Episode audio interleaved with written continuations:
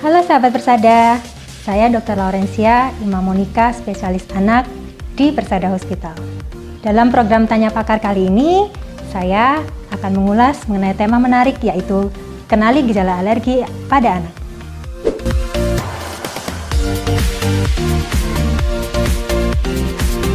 Alergi adalah suatu reaksi atau respon berlebihan terhadap suatu alergen di mana mekanismenya bisa mengenai hampir seluruh bagian tubuh.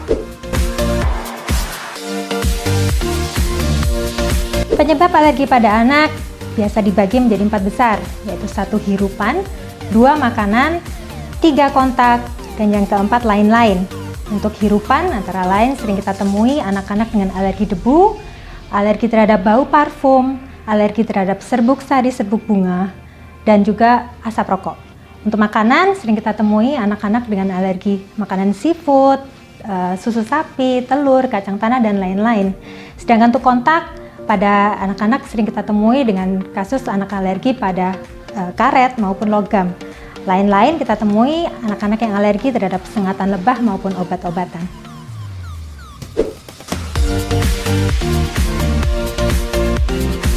Kapan kita tahu anak kita menderita alergi atau tidak? Satu, Biasanya anak alergi kita dapatkan adanya riwayat alergi juga pada keluarga, apakah orang tua, kakek nenek, ataupun kakak atau adiknya. Dan yang kedua, rata-rata kita juga akan mendapatkan gejala yang bisa mengenai di gejala saluran nafas, saluran cerna, maupun kulit. Pada saluran nafas sering kita dapatkan anak dengan batuk lama atau berulang, atau hidung yang selalu berair, atau mata gatal, dan juga tenggorokan terasa menyempit dan uh, untuk bernafas jadi pendek-pendek. Sedangkan di saluran cerna kita sering dapatkan gejala mual, muntah, kram perut maupun diare. Di kulit kita sering dapatkan gejala kemerahan atau ruam dan juga bengkak seperti yang sering kita dapatkan pada kasus yang kita sebut biduran. Kemudian kita juga bisa dapatkan dengan uh, gejala yang lain yang lebih sedang ataupun berat. Misalnya pada kasus-kasus yang kita sebut sebagai asma di mana pada asma ini kita dapatkan gejala anak tersebut batuk, sesak, kemudian nafasnya berbunyi ngik-ngik, dan yang terakhir nafas terasa berat. Dan yang terakhir yaitu pada kasus yang lebih berat dan lebih rentan untuk menyebabkan kematian, yaitu pada kasus shock anafilaksis. Pada kasus ini kita dapatkan anak anyep, kemudian didapatkan manifestasi alergi yang sudah saya jelaskan tadi, bahkan hingga penurunan kesadaran.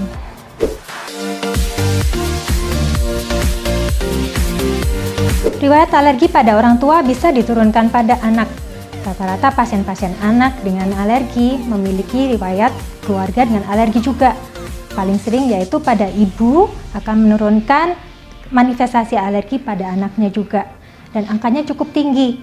Bila salah satu orang tua menderita alergi, maka 40-60% anaknya juga bisa menderita alergi. Penanganan saat terjadi alergi pada anak yang bisa kita lakukan pada saat di rumah yaitu satu, hindarkan anak tersebut dari alergen atau penyebab alerginya. Kemudian yang kedua, juga bisa diberikan anti alergi atau antihistamin. Namun sebaiknya tentu obat-obatan ini dikonsultasikan terlebih dahulu kepada ahlinya. Pengobatan yang tepat untuk alergi tergantung manifestasinya berada di sistem organ yang mana. Jadi, memang sebaiknya dikonsultasikan terlebih dahulu terhadap ahlinya. Namun, kapan sih kita harus datang ke dokter?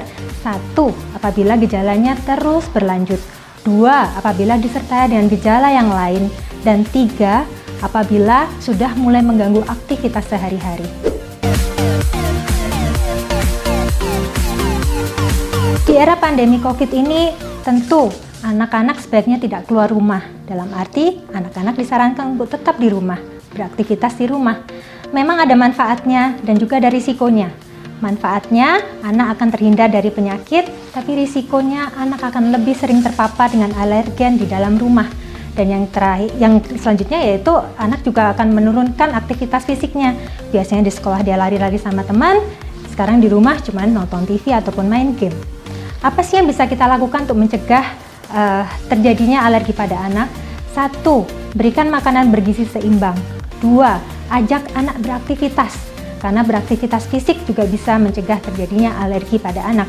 Rata-rata 30 menit per hari. Ataupun kalau anak-anak susah untuk diajak beraktivitas fisik atau olahraga bisa diajak melakukan kegiatan rumah sehari-hari yang menggerakkan otot mereka. Misalnya diajak nyapu diasa, diajak mengepel rumah uh, ber, menari kemudian naik turun tangga dan lain sebagainya. Kemudian yang bisa kita lakukan juga yaitu cegah segala bentuk alergi yang berasal dari asap paling sering yaitu asap rokok jadi orang tua yang merokok sebaiknya tidak merokok di dalam rumah. Kalaupun mereka habis merokok dan ingin menggendong anak-anaknya, sebaiknya ganti baju dan mandi. Kemudian, apalagi yang bisa kita lakukan untuk mencegah alergen di dalam rumah? Satu, bersihkan rumah dari debu secara teratur. Dua, uh, bersihkan debu dari meja dan kursi langsung dengan kain lap. Yang ketiga, untuk karpet-karpet bersihkan dengan cara kering, misal dengan vacuum cleaner. Yang keempat, bisa dibersihkan uh, gorden, kemudian karpet, sofa dan sebagainya bersihkan juga dengan vacuum cleaner. Yang kelima, keringkan baju tidak dengan cara menjemur. Yang keenam adalah gunakan masker pada saat membersihkan maupun mencuci baju. Yang ketujuh, hindari penggunaan deterjen-deterjen dengan parfum. Yang kedelapan, selalu rutin bersihkan gorden-gorden shower. Ventilasi udara rumah juga harus lancar, jadi rutin buka jendela maupun pintu. Dan yang terakhir, Berikan tugas-tugas membersihkan debu dan mencuci pakaian ini pada orang-orang yang tidak memiliki riwayat alergi.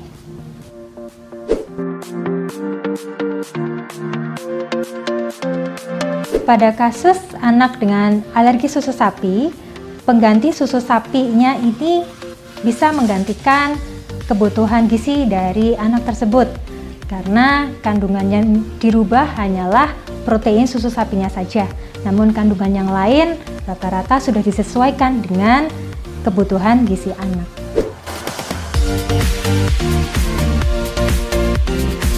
Alergi cenderung jarang kita sebut sebagai sembuh karena setiap kali dia terpapar oleh alergen tersebut, otomatis anak biasanya akan timbul gejala.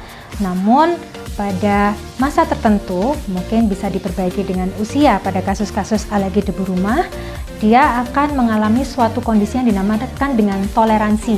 Jadi di mana dia sudah mulai toleransi dengan alergen-alergen tersebut sehingga pada saat dia terpapar dengan alergen tersebut, dia kita sebut sebagai toleran atau lebih tahan.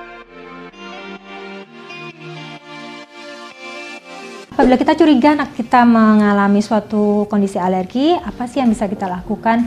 Satu, Tolong ya mams, sahabat persada, jangan lakukan self-diagnose. Selalu konfirmasi terlebih dahulu apakah benar anak kita mengalami alergi, menderita alergi atau yang lain. Jadi sebaiknya konsultasikan terlebih dahulu kepada ahlinya. Kemudian yang kedua, apabila sudah ditetapkan mengalami suatu alergi, maka kita cari tahu alerginya atau alergennya apa. Saat ini sudah banyak sekali instrumen-instrumen dan juga uh, metode-metode yang bisa dilakukan untuk mengetahui anak kita alerginya terhadap apa. Dan yang terakhir, apabila sudah jelas alergennya apa, hindarkan terhadap alergen tersebut. Bisa disiapkan obat-obatan yang aman diberikan sendiri di rumah, namun konsultasikan terlebih dahulu kepada ahlinya. Dan yang terakhir, jangan menyerah, Mams. Kami tahu bahwa kondisi ini adalah kondisi yang bisa hilang timbul dalam jangka waktu yang lama namun, kita anggap saja bahwa itu adalah suatu bagian dari anak kita. Jadi kita harus tahu bagaimana cara menanganinya pada saat terjadi reaksi alergi dan bagaimana cara mencegahnya.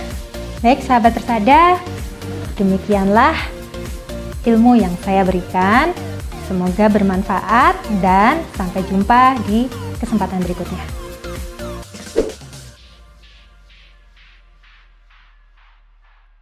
Persada Hospital, first choice of healthcare.